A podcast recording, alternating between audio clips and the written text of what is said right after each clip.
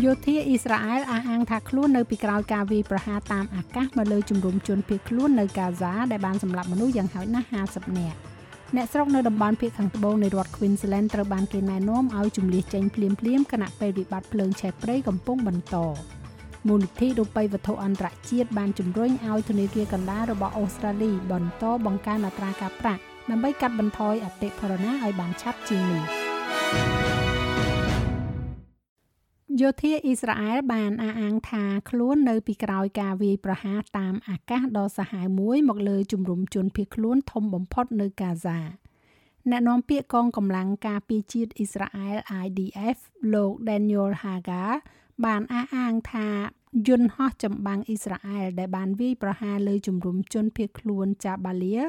ដោយបានសម្លាប់មនុស្សជាច្រើនរួមទាំងមេបញ្ជាការជាន់ខ្ពស់របស់ Hamas លោកអ៊ីប្រាហ៊ីមបេអារីផងដែរ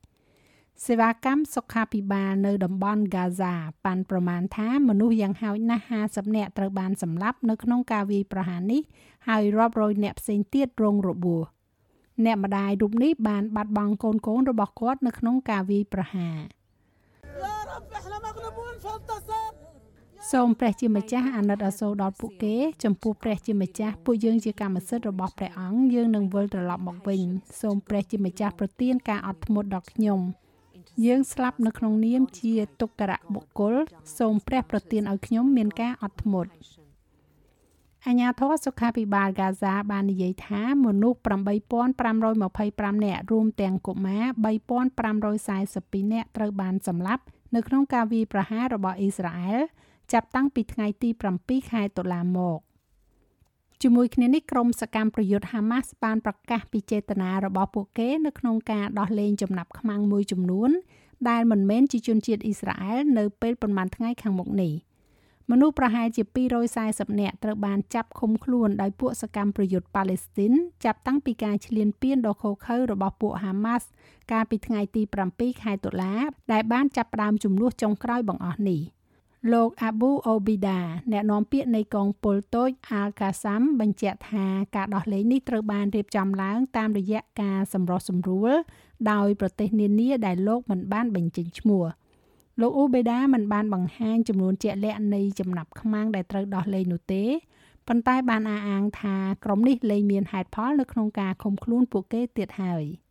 لقد تدخلت بعض الدول من خلال الوسطاء ប្រទេសមួយចំនួនបានឈានជើងចូលតាមរយៈអន្តរការីដើម្បីឲ្យមានការដោះលែងអ្នកជាប់ឃុំមួយចំនួននៅកាហ្សាដែលមានសញ្ជាតិបរទេសយើងបានទទួលសំណើរបស់ប្រទេសទាំងនេះដូច្នេះហើយយើងបានប្រាប់អ្នកសម្របសម្រួលថាយើងនឹងដោះលែងជនបរទេសមួយចំនួននៅប្រហែលថ្ងៃខាងមុខស្របតាមគោលជំហររបស់យើងដែលបានបញ្ជាក់មុននេះ អំពីកង្វះបំណងប្រាថ្នារបស់យើងឬក៏តម្រូវការដើម្បីរក្សាទុកពួកគេឬក៏បន្តកាន់កាប់ពួកគេនៅកាហ្សាក៏លេខមកមើលក្នុងប្រទេសអូស្ត្រាលីវិញនៅថ្ងៃនេះវិជ្ជបណ្ឌិតពិនិត្យជំងឺទូទៅឬហៅថា GP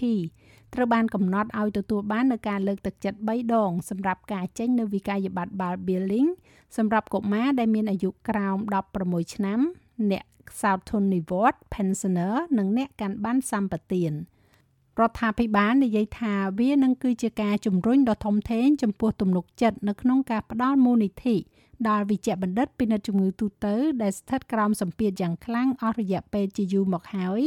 ហើយវាក៏មានន័យផងដែរថាអ្នកដែលមានសិទ្ធិអាចទៅជួបគ្រូពេទ្យបានដោយឥតគិតថ្លៃលោកនាយករដ្ឋមន្ត្រី Anthony Albanese មានប្រសាសន៍ថាវានឹងជួយបន្ធូរបន្ថយសម្ពាធពីប្រព័ន្ធសុខាភិបាល And the tripling of the bulk billing incentive វាធ្វើឲ្យមានភាពខុសប្លែកគ្នានាពេលបច្ចុប្បន្ននេះយើងកំពុងតែធ្វើឲ្យវាកាន់តែងាយស្រួលនិងចំណាយថោកសម្រាប់ប្រជាជនអូស្ត្រាលីជាង11លាននាក់ក្នុងការទៅជួបវិជ្ជបណ្ឌិតនេះគឺជាការវិនិយោគដ៏ធំបំផុតនៅក្នុង Medicare ទាំងការចេញវិក័យប័ត្រក្នុងរយៈពេល40ឆ្នាំហើយការលើកទឹកចិត្ត3ដងលើការចេញវិក័យប័ត្រ Bull Bill នេះគឺរចនាឡើងដើម្បីឲ្យមានការចេញវិក័យប័ត្រ Bull Bill កាន់តែច្រើនត្រូវបានផ្សព្វផ្សាយ ព្រមទាំងជាលទ្ធផលនៃអ្វីដែលជាចំណុចសំខាន់នៃកញ្ចប់ថវិការបស់យើងដែលបានប្រគល់កាលពីខែឧសភាឆ្នាំនេះមួយទៀតនោះពាក់ព័ន្ធជាមួយនឹងភ្លើងឆេះព្រៃដែលអ្នកស្រុកនៅ Darwin និងតំបន់ជុំវិញនៃភាគខាងត្បូងរដ្ឋ Queensland ត្រូវបានគេណែនាំឲ្យជំលះចេញភ្លាមៗចាំពេលដែលកំពុងតែតស៊ូជាមួយនឹងភ្លើងឆេះ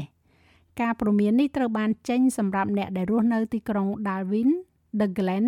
Silverwood និង Cherry Gully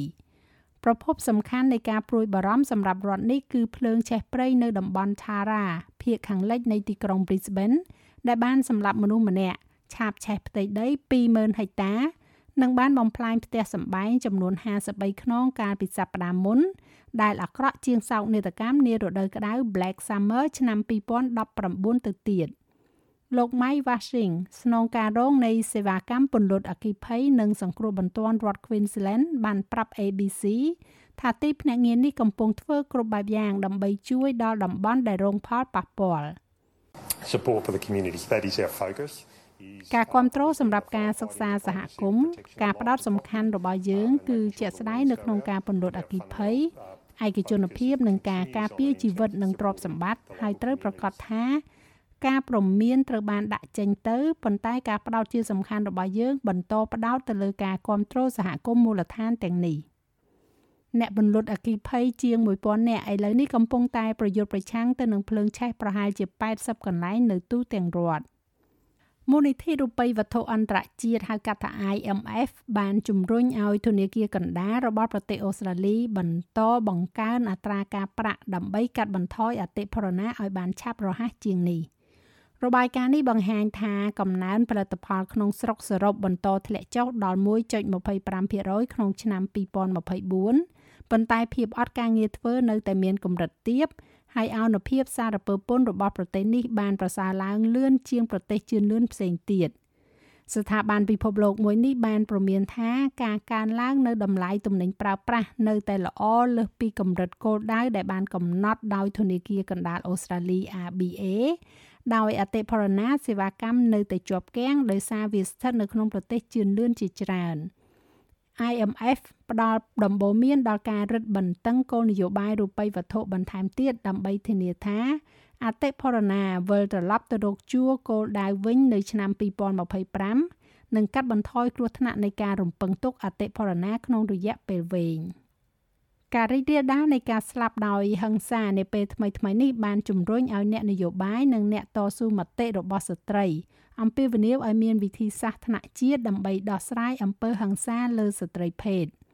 ស្ត្រីប្រហែលជា50នាក់ត្រូវបានសម្លាប់នៅក្នុងប្រទេសអូស្ត្រាលីក្នុងឆ្នាំនេះក្នុងចំណោមពួកគេនោះ5នាក់បានស្លាប់ក្នុងរយៈពេល10ថ្ងៃចុងក្រោយនេះ។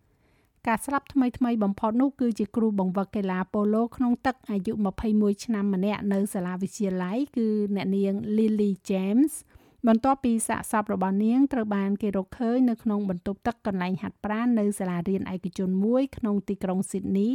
កាលពីថ្ងៃប្រហ័សទី26ខែតុលានេះ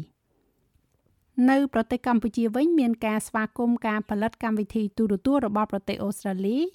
The Amazing Race Australia ដែលបានជ្រើសរើសយកទឹកដីនៃព្រះរាជាណាចក្រកម្ពុជាជាទីតាំងថតកម្មវិធីការផលិតនៅកម្មវិធីទូរទស្សន៍ខាងលើនេះផលិតករបានបង្ហាញនៅស្នាមញញឹមរបស់ប្រជាជនកម្ពុជានិងវប្បធម៌ដ៏ផូរផង់ដូចជាក្រមាគុនល្បុក្កតោសិប្បកម្មតម្បាញពីសរសៃដើមឈូកព្រមទាំងបេតិកភណ្ឌពិភពលោកដ៏អស្ចារ្យគឺតំបន់រមណីយដ្ឋានវប្បធម៌អង្គរក្រសួងវប្បធម៌និងវិចិត្រសិល្បៈបានបញ្ជាក់ថា ប្រែคล้ายព្រះរាជាណាចក្រកម្ពុជាជាដែនដីទទួលស្វាគមន៍ការថតភាពយន្តនៅកម្ពុជា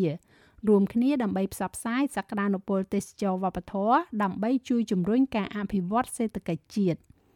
ចាស់ឲ្យលោកមេងផល្លានឹងជួនសេចក្តីរាយការណ៍លម្អិតនៅវគ្គក្រោយឬលោកអ្នកអាចចូលស្ដាប់នៅលើគេហទំព័រ sps.com.au/ ខ្មែរនៅក្នុងកីឡាវាយកូនបាល់ Tennis កីឡាករលំដាប់លេខ2ពិភពលោក Carlos Alcaraz បានបរាជ័យក្នុងលទ្ធផល6ទល់នឹង3 6ទល់នឹង4ដ៏គួរឲ្យភ្ញាក់ផ្អើលក្រោមដៃកីឡាកររុស្ស៊ី Roman Safuin ក្នុងជុំទី2នៅ ATP Paris Master ម្ចាស់ជើងឯក Wimbledon រូបនេះស្ថិតក្នុងទម្រង់ដែលមិនអាចលេងអស់ពីលទ្ធភាពបាន ខណៈដែលរូបគេបានត្រឡប់មកនៅក្នុងការប្រកួតវិញបន្ទាប់ពីដកខ្លួនចេញពី Swift Indoors កាលពីសប្តាហ៍មុនដោយសាររបួសកីឡាករសញ្ជាតិអេស្ប៉ាញវ័យ20ឆ្នាំរូបនេះហាក់ដូចជាបានធូរស្បើយឡើងវិញនៅពេលដែលរូបគេបានបំបីការបំរើរបស់ Safirin ចំណាត់ថ្នាក់ទី45ម្ដងទៀតនៅដើមសេតទី2ដើម្បីដណ្ដើមបានជ័យជំនះ advantage 3ទល់នឹង1 ប៉ុន្តែកីឡាករជនជាតិរុស្ស៊ីវ័យ26ឆ្នាំរូបនេះបានរក្សាជំហររបស់ខ្លួនហើយទទួលបានជ័យជំនះដ៏ធំបំផុតក្នុងអាជីពរបស់លោកលទ្ធផលនេះគឺជាការប៉ះទង្គិចមួយផ្សេងទៀតចំពោះក្តីសង្ឃឹមរបស់ Alcazar នៅក្នុងការយកឈ្នះលើ Novak Djokovic ក្នុងចំណាត់ថ្នាក់ ATP ដោយកីឡាករកំពូលរបស់សេប៊ីរូបនេះនឹងប្រកួតជាមួយនឹងកីឡាករអាហ្សង់ទីននៅថ្ងៃនេះ ចំណែកឯអត្រាប្តូរប្រាក់វិញ1ដុល្លារអូស្ត្រាលីមានតម្លៃប្រមាណជា63សេន3ដុល្លារអាមេរិកត្រូវនឹង2620រៀលប្រាក់រៀលខ្មែរ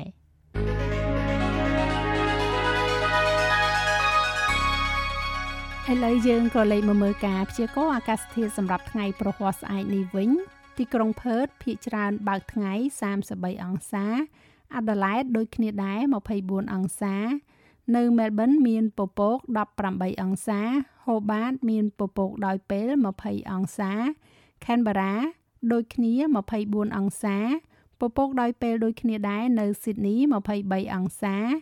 មានពពកនៅ Brisbane 26អង្សាភាគច្រើនបើកថ្ងៃនៅ Cairns 31អង្សា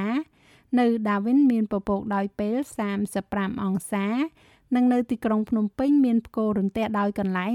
33អង្សា